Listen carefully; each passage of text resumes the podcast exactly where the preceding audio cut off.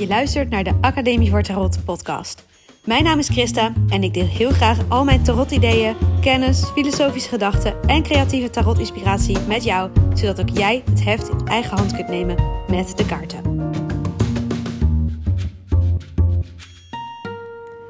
Welkom, welkom. Leuk dat je weer luistert. Of nou, als je voor het eerst luistert, leuk dat je luistert. Van harte welkom weer bij een nieuwe aflevering van deze podcast. Ik wil het vandaag hebben over de hofkaarten. Ik denk dat de hofkaarten nog steeds een beetje ondergewaardeerde kaarten zijn. En ja, ik wil jou er heel graag van overtuigen dat het de moeite waard is om te investeren in de hofkaarten en ze op een dieper niveau te leren kennen. De hofkaarten voor degenen die echt helemaal nieuw zijn met de kaarten, dat zijn uh, de schildknapen, de ridders, de koninginnen en de koningen. In een gewoon kaartspel heb je met 52 kaarten, als ik het goed zeg, heb je uh, boer, vrouw, heer. Hè, of uh, boer, koningin, koning. En dat is dus eigenlijk ook wat de hofkaarten zijn. Dus in, de, uh, in een gewoon kaartspel heb je harten, klaver, ruiten, schoppen. En dan van iedere kleur heb je een boer, vrouw, heer. Nou, in de tarot heb je pentakels, staven, zwaarden, kelken. En ook van iedere, ieder heb je dan um, schildknaap, ridder, koningin, koning. Het zijn er dus wel vier in plaats van drie bij een gewoon kaartspel. Hoe dat gekomen is in de ontwikkeling van de kaartspellen. Dat er bij de tarot vier zijn en bij andere, bij um, ja, het standaard kaartspel drie, dat weet ik niet. Maar goed, in tarot heb je er dus 16. En over het algemeen vinden veel mensen die met tarot beginnen het super lastige kaarten. En dat heeft eigenlijk, denk ik, grofweg twee redenen. Reden 1 is dat je um, op de kaarten weinig ziet gebeuren. En doordat er eigenlijk niks gebeurt, er is geen actie, is het best wel moeilijk om ja, intuïtief daar iets aan te zien of daar betekenis aan te koppelen. Want ja, ze zitten alleen maar een beetje stil te zitten of ze staan alleen maar een beetje te staan. Dus dat is best lastig. En ten tweede lijken ze ook nog eens best wel veel op elkaar. Alle koninginnen lijken een beetje op elkaar. Maar ook de koning en de koningin van iedere dezelfde kleur lijken ook nog weer best wel op elkaar. Ik bedoel, je ziet natuurlijk wel verschillen, maar hoe je die verschillen dan daadwerkelijk een betekenis moet geven, dat is nog best wel lastig. Dus dat zijn eigenlijk de twee hoofdredenen, denk ik, dat het gewoon niet de makkelijkste, meest toegankelijke kaarten zijn van het spel. Maar ze zijn wel echt super leuk en super waardevol. Want als je die 16 kaarten gaat zien als 16 persoonlijkheden, als 16 type mensen met ieder hun krachten en ieder hun valkuilen, dan wordt het ineens super interessant om te gaan zien hoe zouden deze types zich gedragen in een bepaalde situatie.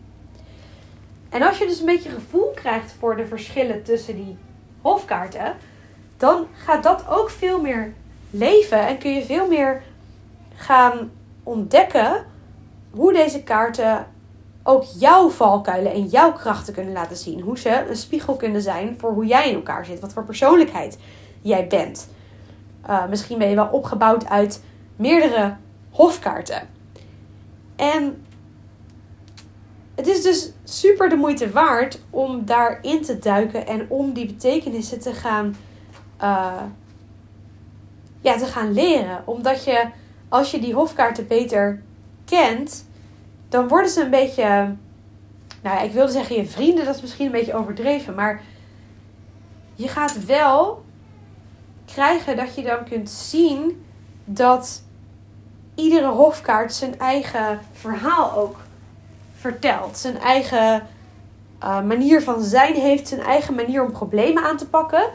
En als je je dus afvraagt als een kaart op tafel komt, een hofkaart, en je vraagt je af hoe zou deze hofkaart reageren op de situatie die ik nu heb, dan heb je een super mooie vraag om te reflecteren. En dan is het super waardevol om dus die hofkaarten te zien als ja, mensen die handelen. Dus je ziet de handeling niet gebeuren zoals bij de kleine arcana, maar je ziet een persoon.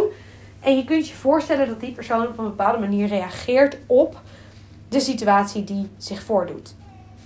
En dat is de kracht van de hofkaarten. Leren met die hofkaarten te werken doe je eigenlijk dus door een band op te bouwen met die kaarten. Door ze vaker te zien, door ze vaker te bestuderen, door ehm, de nuanceverschillen echt te gaan onderzoeken. En ja, ik heb daar niet voor niks een hele cursus over gemaakt. Nu komt er even een stukje reclame, jongens. Ik zeg het er gewoon eerlijk bij.